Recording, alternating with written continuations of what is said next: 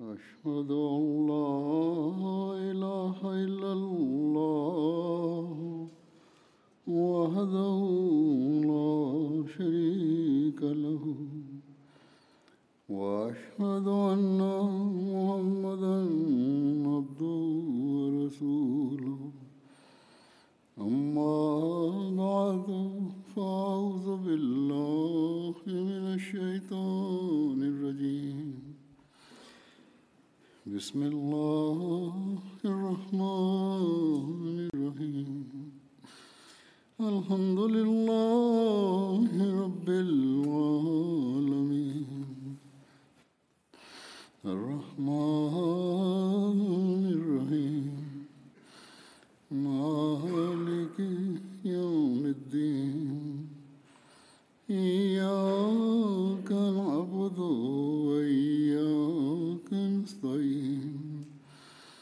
اهدنا الصراط المستقيم. صراط الذين أنعمت عليهم غير المغضوب عليهم ولا الضالين. الكبيرة عليكم وفضل كبير على الجماعة الأحمدية. وعلى الذين وصلوا إلى هذا البلد. بأنه عز وجل وفقكم للمجيء إلى هذا البلد المتطور.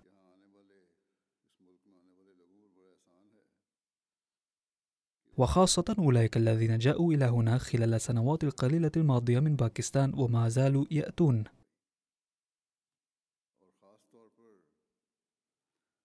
فإنهم هاجروا من باكستان لأن ظروف الأحمديين هناك تزداد صعوبة وشدة.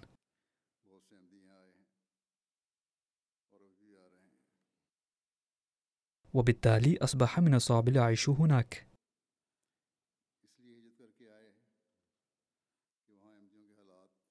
ومن هذا المنطلق ينبغي على الأحمديين أن يكونوا شاكرين لهذه الحكومات.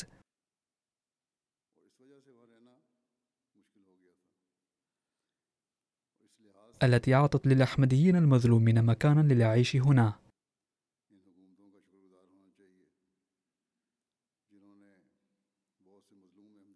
ولكن أعظم منة من الله تعالى علينا نحن الأحمديين.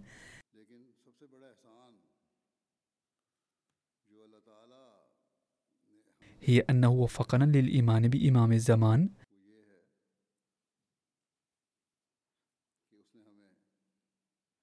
وبالمحب الصادق للنبي صلى الله عليه وسلم. فمهما شكرنا الله تعالى على هذه المنة لا نستطيع أداء حق شكره.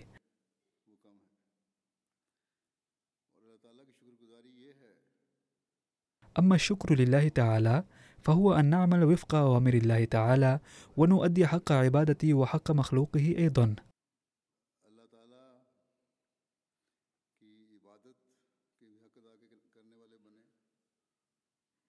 ولن يتأتى ذلك إلا إذا أدينا حق بيعتنا للمسيح الموعود عليه السلام.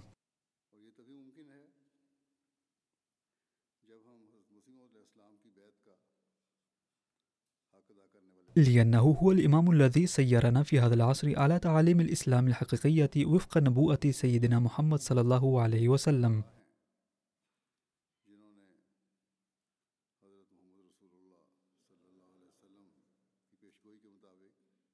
فينبغي لكل أحمدي أن يضع هذا الأمر نصب عينيه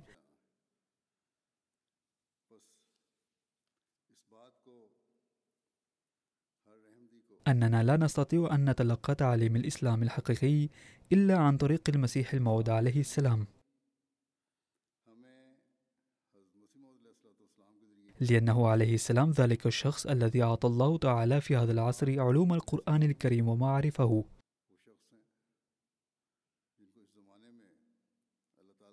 وهبه العلم الحقيقي للإسلام.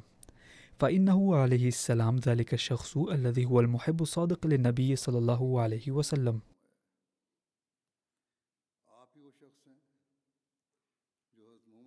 ويريد أن يربينا وفق تعاليم النبي صلى الله عليه وسلم وسنته. ولا بد لنا أن نتطلع إلى المسيح الموعود عليه السلام من أجل أن نكون مسلمين حقيقيين ونجعل حياتنا وفق الطرق التي علمنا إياها. ونقوي إيماننا ونكمل إيماننا ويقيننا ببعثة حضرته عليه السلام واعتباره حكما عدلا.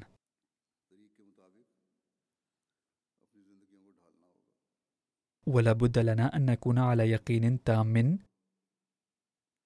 بأنه لا يسع المرء العمل بتعليم الإسلام الحقيقي إلا من خلال اتباع الطريق الذي علمه حضرته عليه السلام.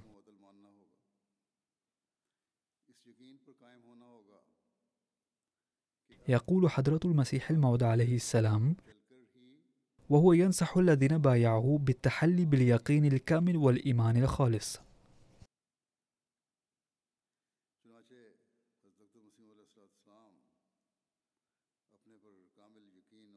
الذي يؤمن ينبغي أن يتقدم من الإيمان إلى اليقين والعرفان. أي لا يكفي الإيمان بل ينبغي أن يتولد لديه يقين ومعرفة أيضا ليعرف لماذا نقوم بالبيعة بدلا من أن يكون عرضة للظنون بعد ذلك. أي ينبغي أن لا ينشأ في قلبه سوء الظن بعد ذلك. بحيث يتساءل لماذا حدث ذلك ولماذا حدث ذلك. أي يجب ألا تنشأ لديه أسئلة حول إيمانه. اعلموا أن الظن لا يفيد. يقول الله تعالى إن الظن لا يغني من الحق شيئا. من شأن اليقين أن يجعل الإنسان ناجحا.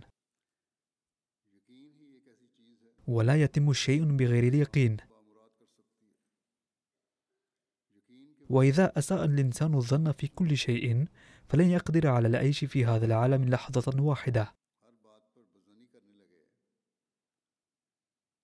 بل لعله لن يشرب الماء أيضا. إذ قد يخطر بباله أن أحدا يكون قد دس السم فيه.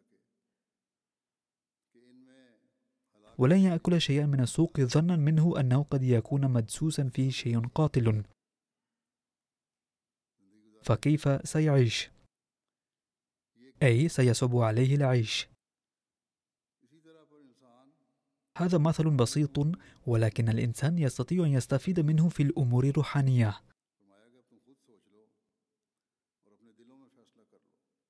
فكروا الآن وقرروا في أنفسكم أنكم بايعتم على يدي وآمنتم بي حكما وعدلا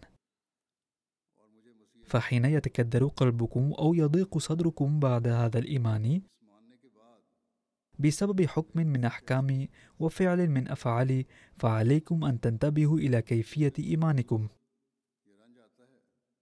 الإيمان الذي تشوبه شوائب الشبهات والأوهام لن يسفر عن نتيجة حسنة. ولكن إذا آمنتم بصدق القلب أن المسيح الموعود حكما فعلا فعليكم أن تستسلموا أمام حكمه وفعله واحترموا قراراته لتكونوا من الذين يكرمون ويعظمون كلام النبي صلى الله عليه وسلم المقدس. إن في شهادة النبي صلى الله عليه وسلم كفاية. فقد طمأن أن المسيح الموعود سيكون إمامكم منكم ويكون حكما عدلا. وإن لم تطمئنوا بذلك فمتى فكيف تطمئنون؟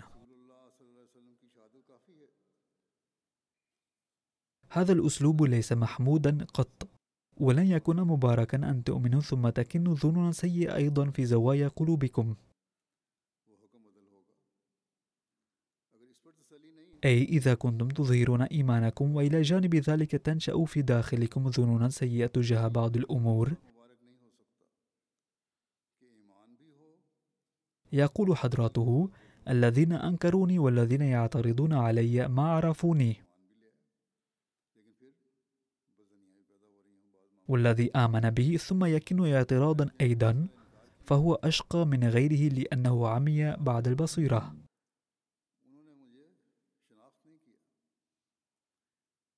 فهذا هو مستوى الإيمان المطلوب الذي ينبغي أن نتحلى به جميعا. لقد أخبرنا المسيح الموعود عليه السلام عن بدء الخلافة بعده. وليس هو فحسب بل إن النبي صلى الله عليه وسلم أيضا قد أنبأ عن استمرار الخلافة إلى يوم القيامة بعد مجيء المسيح والمهدي.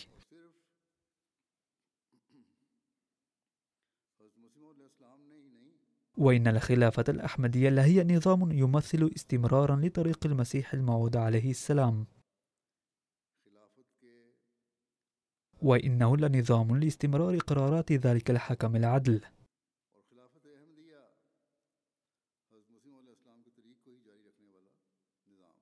كل أحمدي يتعهد بالارتباط بالخلافة وطاعته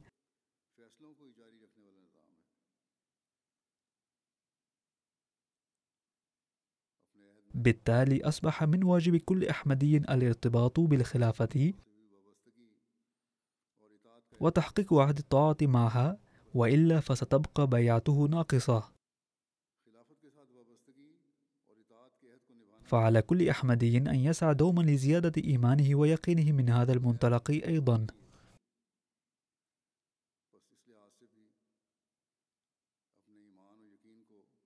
ثم يقول المسيح الموعود عليه السلام وهو ينصح جماعته للتدبر في القرآن الكريم وفهمه.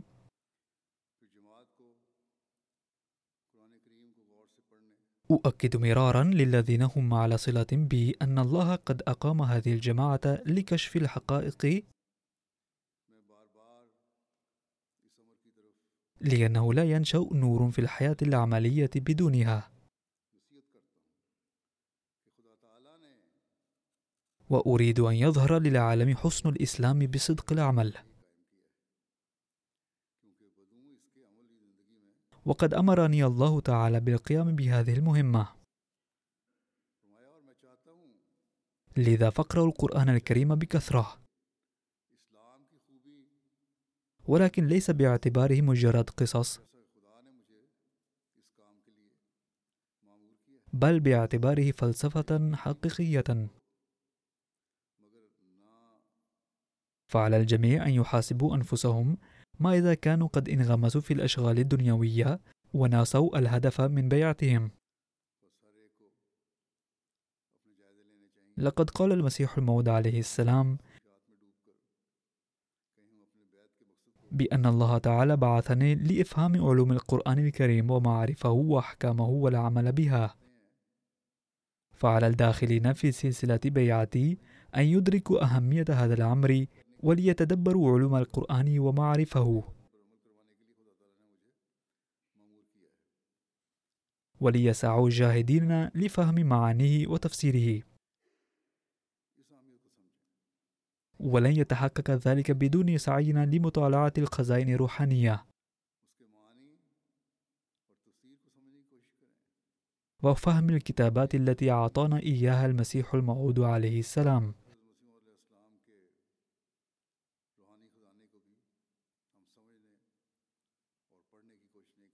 لقد قال حضرته عليه السلام بأن القرآن الكريم ليس قصصا وحكايات بل هو خطة عمل للحياة ومن واجب المسلم الأحمدي العمل بها.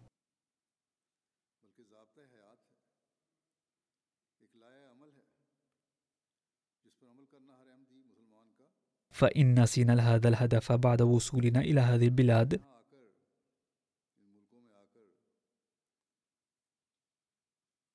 وانغمسنا في انشغالات الدنيا.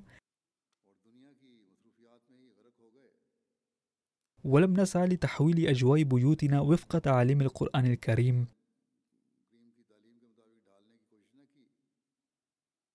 فإن أولادنا سيبتعدون عن الدين. الأمر الذي سيعد نكرارا لأفضال الله تعالى بدلا من شكره عليها.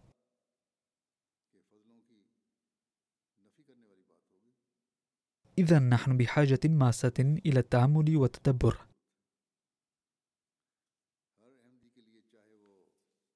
يجب على كل أحمدي سواء كانوا أحمديين قدامى أم ولدوا هنا أو جاءوا إلى هنا مهاجرين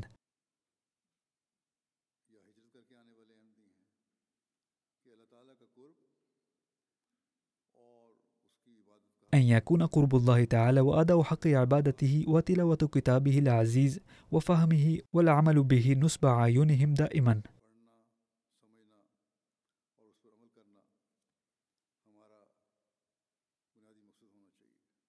عندها فقط نستطيع أن نؤدي حق بيعتنا.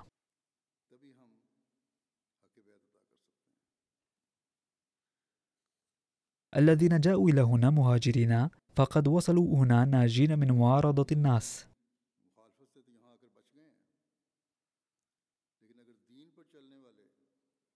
ولكن لو لم يعملوا بأوامر الدين ولم يسعوا جاهدين لفهم القرآن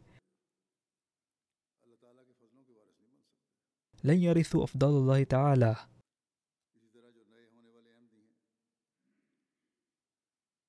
كذلك يجب أن يعرف الذين بايعوا حديثا أو الذين يسكنون هنا منذ مدة أن البيع وحدها لا تحقق المقصود.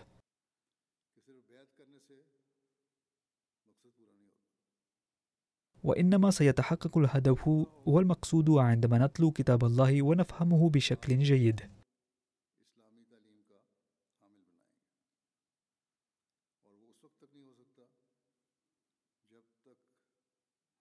يقول سيدنا المسيح الموعود عليه السلام أقول صدقا وحقا إن الله تعالى قد هيأ هذه الفرصة لسعداء الحظ.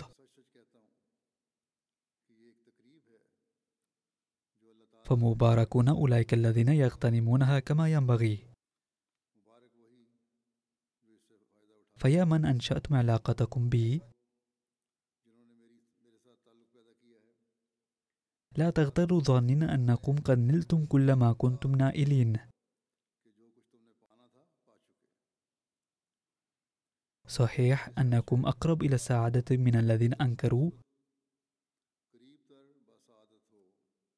وأسخطوا الله تعالى بشدة إنكارهم؟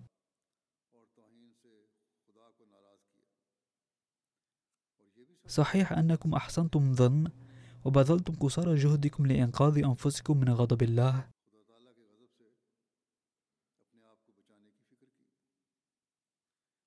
ولكن الواقع أنكم اقتربتم من النبع الذي فجره الله تعالى للحياة الأبدية.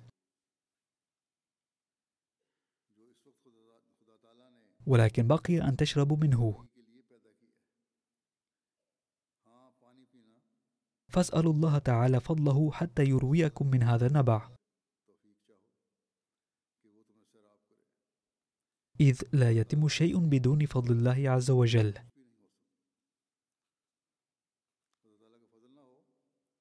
أعلم يقينا أن الذي يشرب من هذا النبع لن يهلك.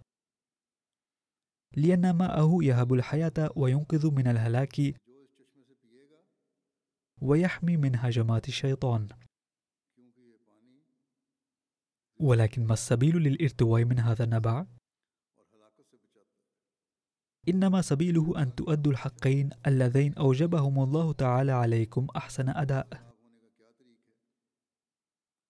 أحدهما حق الله وثانيهما حق الخلق. آمنوا بربكم واحدا لا شريك له كما تقرون من خلال الشهادة. أشهد أن لا إله إلا الله. أي لا محبوب لي ولا مطلوب ولا مطاع سوى الله تعالى. ما أجمل هذه الجملة؟ لو علمها اليهود والنصارى أو غيرهم من المشركين وعبدة الأوثان وفهموها لما هلكوا قط. ولعدم وجود هذه الشهادة هل بهم الدمار والمصيبة حتى هلك قومهم؟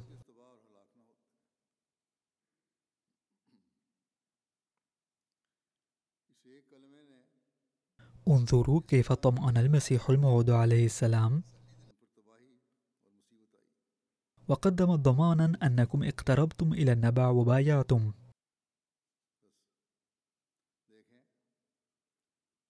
فلو شربتم من هذا النبأ لنلتم البركات وإلا سيكون كلامكم باللسان فقط.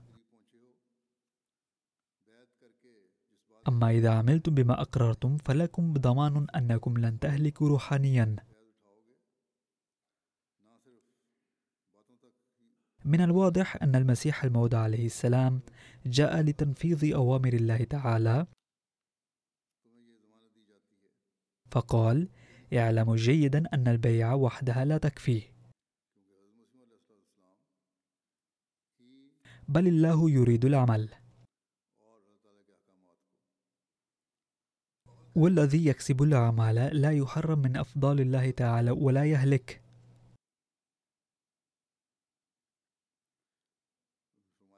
وهذه الحالة من الأعمال لن تتسنى ما لم تستر شهادة لا إله إلا الله من ظاهركم ومن باطنكم.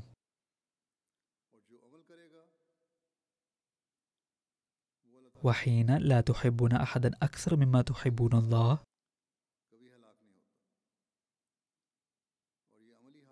ولا تتمنون شيئا سوى رضا الله تعالى. وتطيعون أوامر الله تعالى طاعة كاملة؟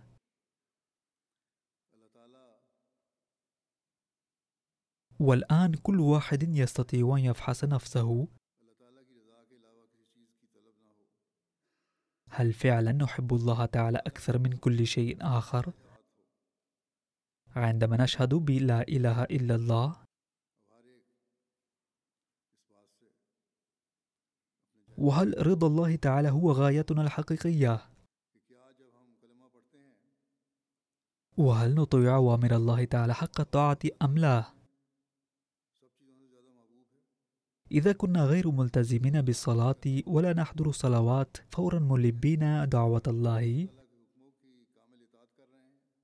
وتاركين أعمالنا الدنيوية ففي هذه الحالة نردد الشهادة باللسان فقط. وهناك شرك كامن في قلوبنا.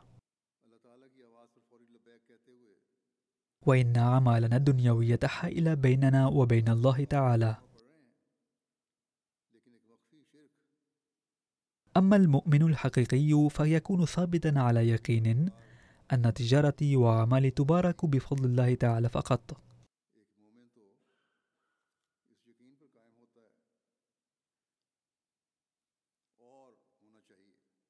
فإذا كان الأمر كذلك فهو هكذا فعلا فكيف يمكن أن تحول أعماله بينه وبين الله تعالى؟ وإذا كان الحال على هذا المنوال فهذا يعني أننا لم ندرك حقيقة الشهادة بل نقرها باللسان فقط ولا ترافقها أعمالنا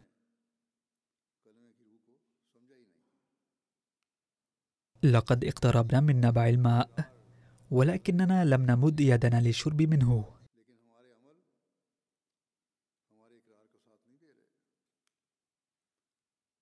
فيقول عليه السلام إنه إذا كان هذا هو الحال فلم نؤدي حق البيعه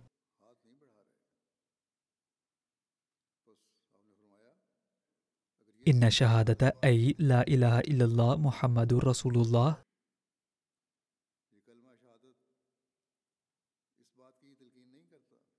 لا تقوم بنصحنا ولا تلفت أنظارنا إلى أداء حقوق الله فقط. بل توجهنا أيضا إلى أداء حقوق العباد كما أمرنا الله تعالى. وعندما يؤدي المرء هذه الحقوق عندها يصبح مؤمنا حقيقيا. وعندها فقط يؤدي الأحمدي أي المسلم الحقيقي حق البيعة ثم يقول عليه السلام ناصحا المبايعين له البيعة على يدي تتطلب منكم موتا لكي تحظوا بولادة جديدة في الحياة الجديدة. أي يجب أن تنالوا حياة جديدة بعد البيعة.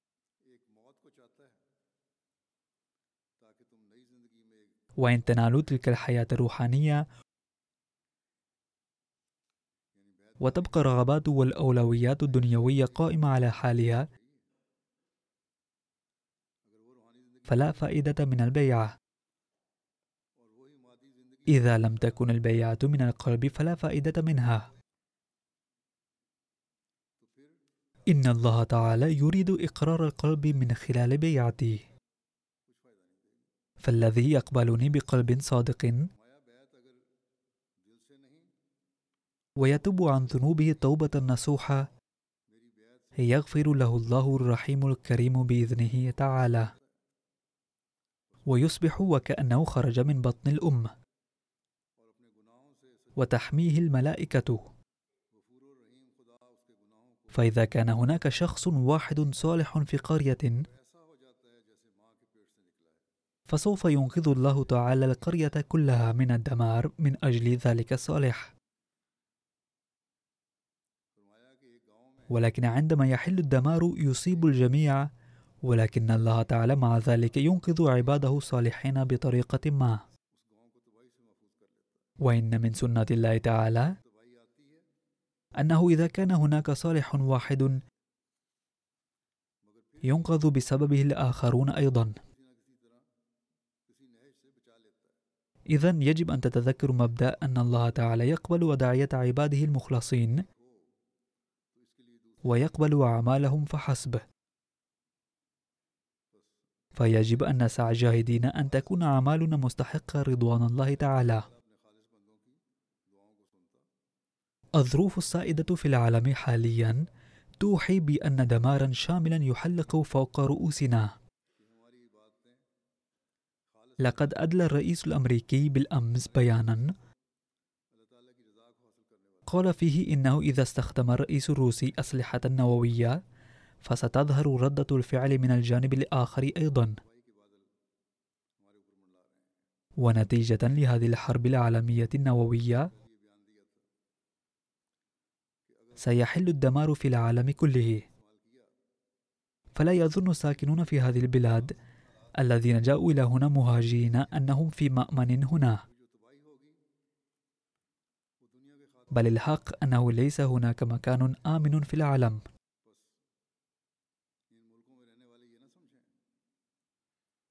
حين تنقلب عقول قادة هذه القوة العظيمة لا يبالون بشيء. ففي هذه الظروف إنه من واجب الأحمديين أن يدعوا ويخلصوا عباداتهم لله. كما قال المسيح الموعود عليه السلام بأن الله تعالى ينقذ الآخرين أيضا من أجل عباده الصالحين المخلصين له. وهذا ما نعلمه من كتاب الله القرآن الكريم. فلا يظن أحد أننا بسبب مجيئنا هنا أصبحنا آمنين وصار مستقبل أولادنا مأمونا. كلا بل نمر بأحد خطير للغاية. ولا يستطيع أن يحمينا في هذه الظروف إلا الله. لذا يجب أن تخضعوا لله بأنفسكم واجعلوا أولادكم أيضا خاضعين له. حتى تتمكنوا من حماية أنفسكم وأجيالكم لن تحمينا هذه الدنيا ولن تؤمن مستقبلنا ولا مستقبل أولادنا. بل إذا كنا من الذين يؤدون حق شهادتين فسوف يحمي الله تعالى هذه الدنيا بسبب أدعيتنا المتواضعة وأعمالنا الصالحة. لذا عليكم أن تكثروا من الأدعيات في الظروف الحالية قبل أن تتأزم ظروف العالم أكثر. قال المسيح الموعود عليه السلام الحسنة هي ما تكسب قبل الأوان. وإذا كسبها المرء بعد فوات الأوان فلا فائدة منها. إن الله تعالى لا يقبل الحسنة التي تنبع عن حماس طبيعي عندما توشك السفينة على الغرق ولكن البكاء عندها يكون ناتجا عن مقتضى الطبيعة لذا لا يفيد. بل كان مفيدا إذا كان قبل ذلك أي في حالة الأمن. يعلم يقينا أن هذا هو قانون الوصول إلى الله عز وجل. فالذي يكون متنبها ومتيقظا إلى درجة؟ كأن برقا هابطا عليه. فلا يهبط عليه البرق قط. أما من يصرخ عند رؤيته هابطا فسيهبط عليه حتما. ويهلكه لأنه يخاف البرق ولا يخاف الله عز وجل. إذا نبهنا المسيح الموعود عليه السلام بصراحة أننا إذا أردنا أن نتعلق بالله فيجب أن نتعلق الآن. لأن غيوم المخاطر ارتفعت قليلا أو لا يزال ممكنا ضبطها ولكنها يمكن أن تحيط بنا في أي وقت. لذا فإنه إيمان الأحمديين وتعلقهم بالله ودعيتهم هي التي يمكن أن تنجي العالم من الدمار. فادعوا الله تعالى منشئين مواساة الخلق في قلوبكم. وفهموا الناس كل في دائرته. أنهم إذا لم يتوجهوا لأداء حقوق الله وحقوق العباد فيمكن أن تتحول هذه الدنيا الجميلة إلى خراب. وعلى كل أحمدي أن يؤدي واجبه مع هذا التفكير.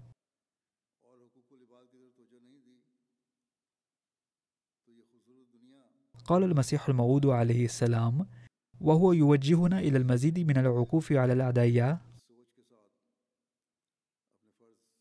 لاحظوا إنكم تعدون المزرعة بشيء من الجهد وتتوقعون فائدة. كذلك إن أيام الأمن هي للجهد والمشقة.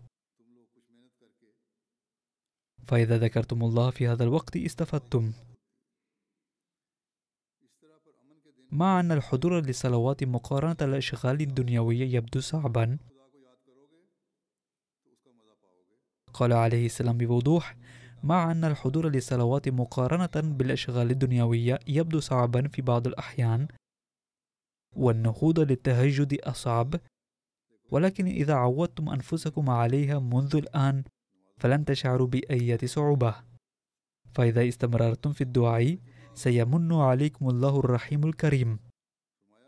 قال عليه السلام لاحظوا الآن تعملون أعمالا دنيوية؟ وترحمون أنفسكم وعائلتكم أي تهتمون بحاجاتهم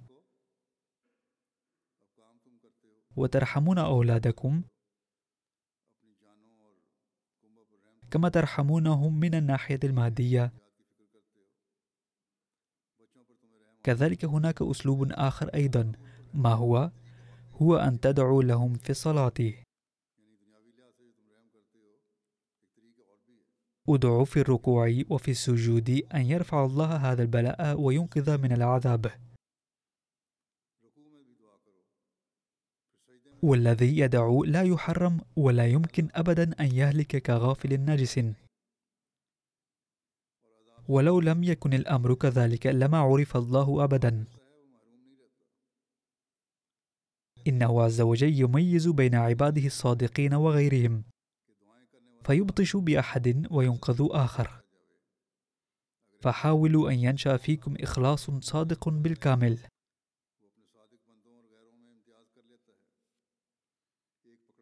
قال المسيح الموعود عليه السلام هذا الكلام في زمن تفشى فيه الطاعون.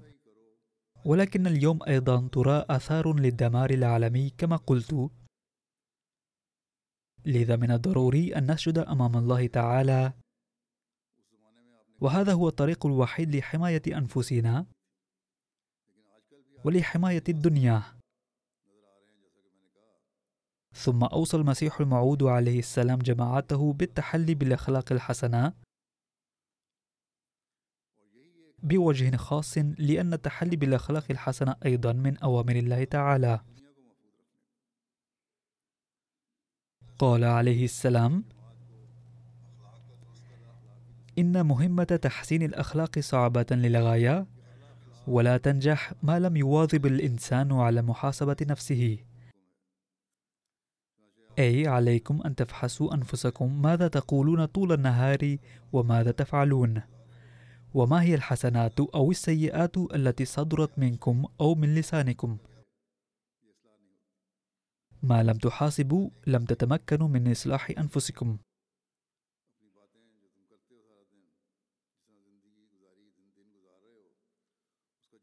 إن استخدام اللسان السيء يؤدي إلى إنشاء العداوة بين الناس.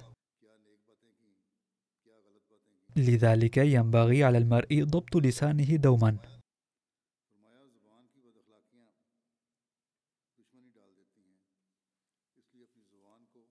لا يمكن لأحد أن يعادي من يحسبه ناصحا أمينا له. فما أغبى الذي لا يرحم نفسه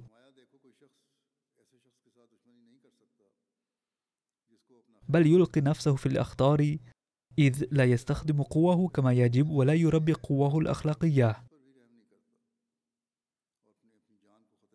أي من مقتضى العقل أن قوة والكفاءات التي وضع الله تعالى في الإنسان عليه أن يربيها ويستخدمها بحيث تظهر في كل أعماله الحسنة. وإذا أظهر سوء الخلق على أتفه الأمور لأوقع نفسه في مشاكل. يجب على المرء أن يعامل الجميع باللين والدماثة وحسن الخلق. يجب أن نتذكر أن الإسلام حيث يعلمنا في الأمور الشخصية أن نتحلى بالصبر والضبط والتحمل ونظهر الأخلاق العالية ونجتنب الشجار والنزاع كذلك يوجهنا إلى إظهار الغيرة الدينية ضمن حدود القانون. فقال المسيح الموعود عليه السلام موجها إلى إظهار الغيرة الدينية أما الذي يمرق عن الجماعة الجليلة أي من حظيرة الإسلام علنا ويشتم ويناصب عداوة شرسة فأمره مختلف. كما واجه الصحابة المصاعب وسمعوا إهانة الإسلام من بعض أقاربهم فاضطروا ليؤثروا الإسلام على الرغم من علاقاتهم المتينة مع أنهم كانوا أقرباء وأعزاء. قال عليه السلام إذا كان أحد عدوا للإسلام ويشتم رسول الله صلى الله عليه وسلم فهو جدير بأن يتبرأ منه الإنسان ويكرهه. أما إذا كان أحد كسولا بعمله فيستحق العفو عن تقصيره. ويجب أن لا يضر سلوكه هذا بعلاقاته. أي إذا كان أحد لا يعارض فعاملوه معاملة حسنة. ولكن إذا كان يعارض علنا ويشتم الإسلام والنبي صلى الله عليه وسلم ولا يكف بالرغم من إفهامه فهناك لابد من إظهار الغيرة الدينية. وكذلك على كل أحمدي أن يظهر الغيرة من أجل المسيح الموعود عليه السلام أيضا. والذي لا يمتنع عن بضاعة لسانه عن المسيح الموعود عليه السلام بالرغم من إفهامه فلا يمكن أن نمد إليه يد الصداقة ولا تتحمل ذلك غيرة أي أحمدي.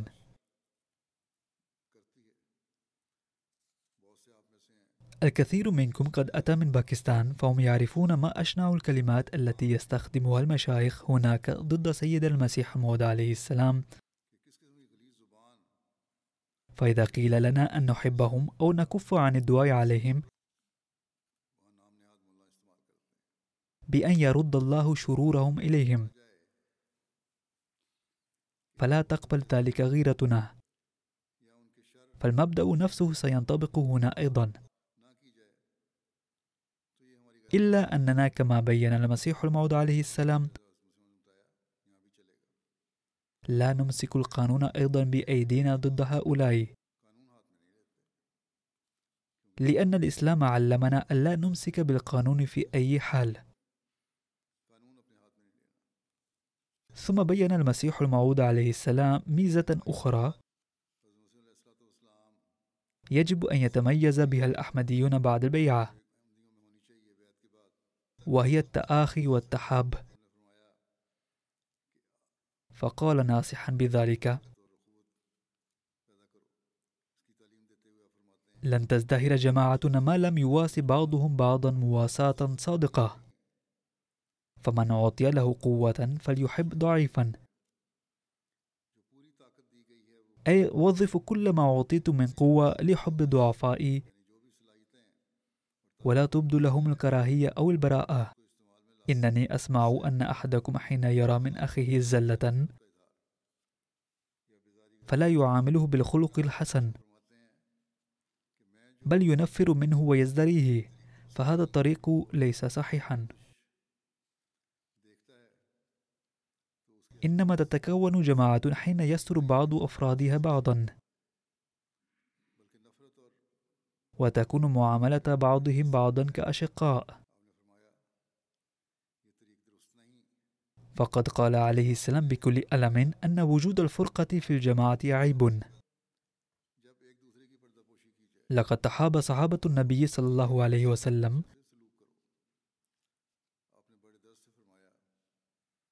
وتآخوا أيضا فصاروا جماعة. فكان حضرته يريد من جماعته أن تقوم فيهم علاقة الأخوة كالصحابة فكان حضرته يريد من جماعته أن تقوم فيهم علاقة الأخوة كالصحابة فقال لقد أقام الله عز وجل هذه الجماعة على شاكلة جماعة الصحابة وسوف يقيم الأخوة مثلهم هنا أيضا. إن آمالي على الله تعالى لكبيرة. إن الشكوى من الآخرين وجرح مشاعرهم وإيذاءهم وإيلام قلوبهم بفظاعة اللسان وتحقير الضعفاء والعجز لإثم كبير. إذا من الأخلاق السامية أن يحترم المرء عواطف غيره. وإذا تحقق ذلك فعندئذ يمكن أن نحقق ما توقعه منا المسيح الموعود عليه السلام. وعندها فقط يمكن أن نرث الإنعامات التي وعده بها بحق جماعته. وعندها فقط يمكن أن ننال أفضل الله عز وجل. ففي زمن المسيح الموعود عليه السلام انضم إلى جماعته أناس من شتى القبائل والشعوب في الهند. أما الآن فقد أدخل الله عز وجل في الجماعة أناس من شتى أقوام العالم وقبائله ومن أنواع اللون والنسل بحسب وعده مع عبده المسيح الموعود عليه السلام. ولا يزال يأتي بهم.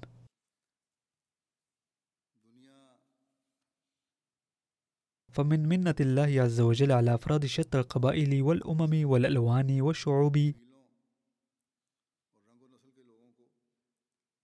أنه وفقهم للانضمام إلى جماعة الخادم البار لرسول الله صلى الله عليه وسلم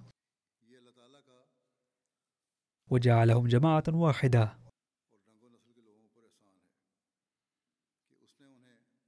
فقد لفت حضرته عليه السلام انتباهنا إلى أنكم إخوة. فقال صحيح أنكم من آباء مختلفين غير أن أباكم روحاني واحد. وأنتم أغصان شجرة واحدة.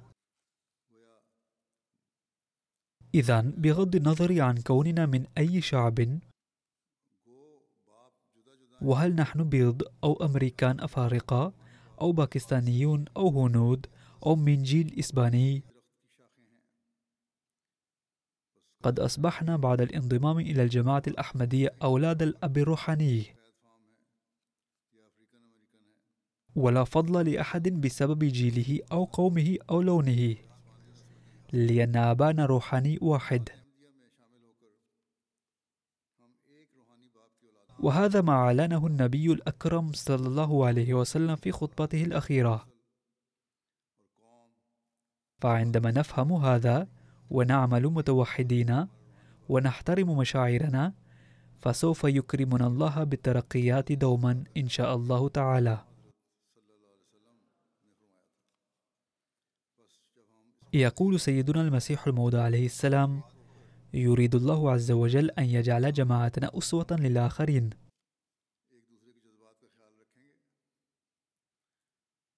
وهل يمكن أن يصبح الإنسان أسوة بأمور سطحية فقط دون عمل عميق؟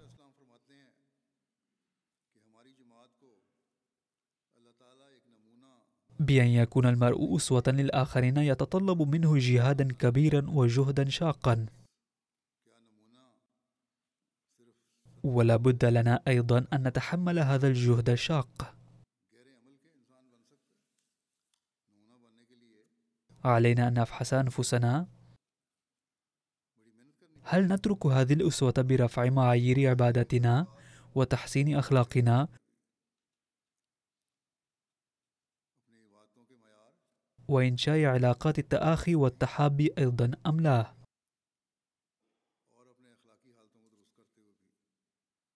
فقد قال المسيح الموعود عليه السلام لافتا أنظارنا إلى رفع معاييرنا أكثر. إن الله تعالى يحب المتقي.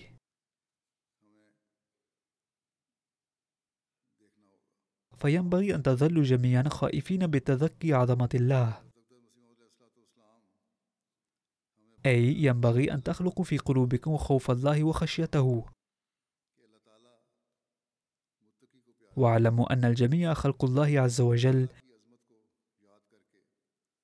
فلا تظلموا أحدا ولا تغضبوا عليه ولا تزدروا أحدا. إذا كان في الجماعة شخص سيء واحد فإنه يسيء إلى الجميع.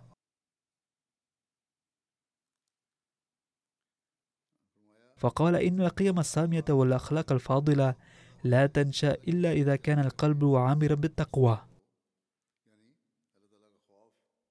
ثم قال عن ذلك ناصحا أبناء الجماعة. إن جماعة بحاجة إلى التقوى بوجه خاص ولا سيما أنهم ينتمون إلى إنسان قد بايعوه حسب دعواه على أنه مأمور من الله عز وجل. لكي ينجو الناس من جميع الآفات التي كانوا مبتلين بها من البغض والحقد والشرك. وميلهم الشديد إلى الدنيا. ثم قال يجب أن يكون أكبر هم أبناء جماعتنا تأكدهم هل في قلوبهم التقوى أم لا. إذا إن كنا نريد أن نؤدي حق بيعتنا ونشكر الله على مننه فعلينا أن نفحص أنفسنا كل حين وآن. وفقنا الله عز وجل أن نعيش بحسب ما تمنى المسيح الموعود عليه السلام مؤثرين الدين على الدنيا. وأن نخلق في نفوسنا خشيته. ونؤدي حق شهادة أن لا إله إلا الله في الحقيقة. وننضم إلى جماعة الآخرين الذين كان الله عز وجل بشر بهم رسوله صلى الله عليه وسلم. آمين.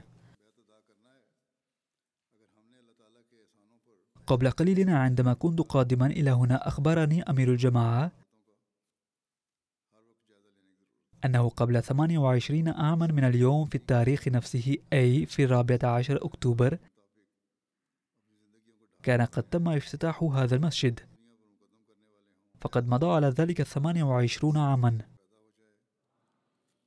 يجب أن يفحص الأحمديون القدامى المقيمون هنا والجدد أيضا لأي مدى أحرزوا التقدم في روحانية ولأي حد بذل المساعي لأداء حق هذا المسجد. نسأل الله عز وجل أن يبقي هذا المسجد عامرا بالمصلين لعقود وقرون ويبقى محفوظا من كل آفة مادية تذكروا أننا لن نتمكن من أداء حقه إلا ببذل الجهود لعمرانه دوما. وفقنا الله لذلك أيضا.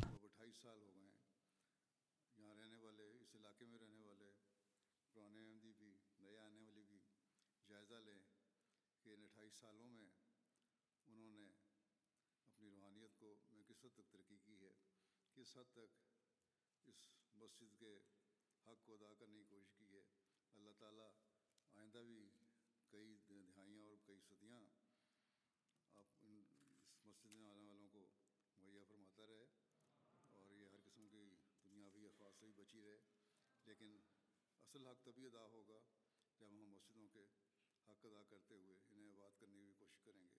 اللہ تعالیٰ اس کی بھی ہمیں توفیق عطا فرمائے۔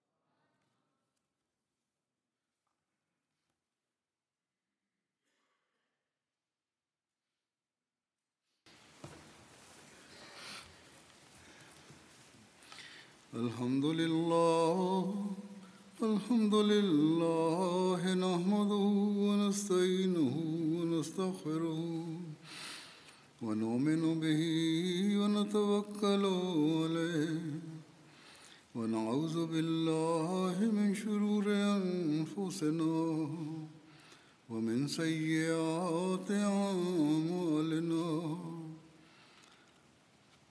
من يهده الله فلا مضل له ومن يضلل فلا هادي له. ونشهد أن لا إله إلا الله. ونشهد أن محمدا عبده ورسوله. عباد الله رحمكم الله. إن الله يأمر بالعدل والإحسان وإيتاء ذي القربى. وينهى عن الفحشاء والمنكر والبغي يعظكم لعلكم تذكرون اذكروا الله يذكركم وادعوه يستجب لكم ولذكر الله أكبر.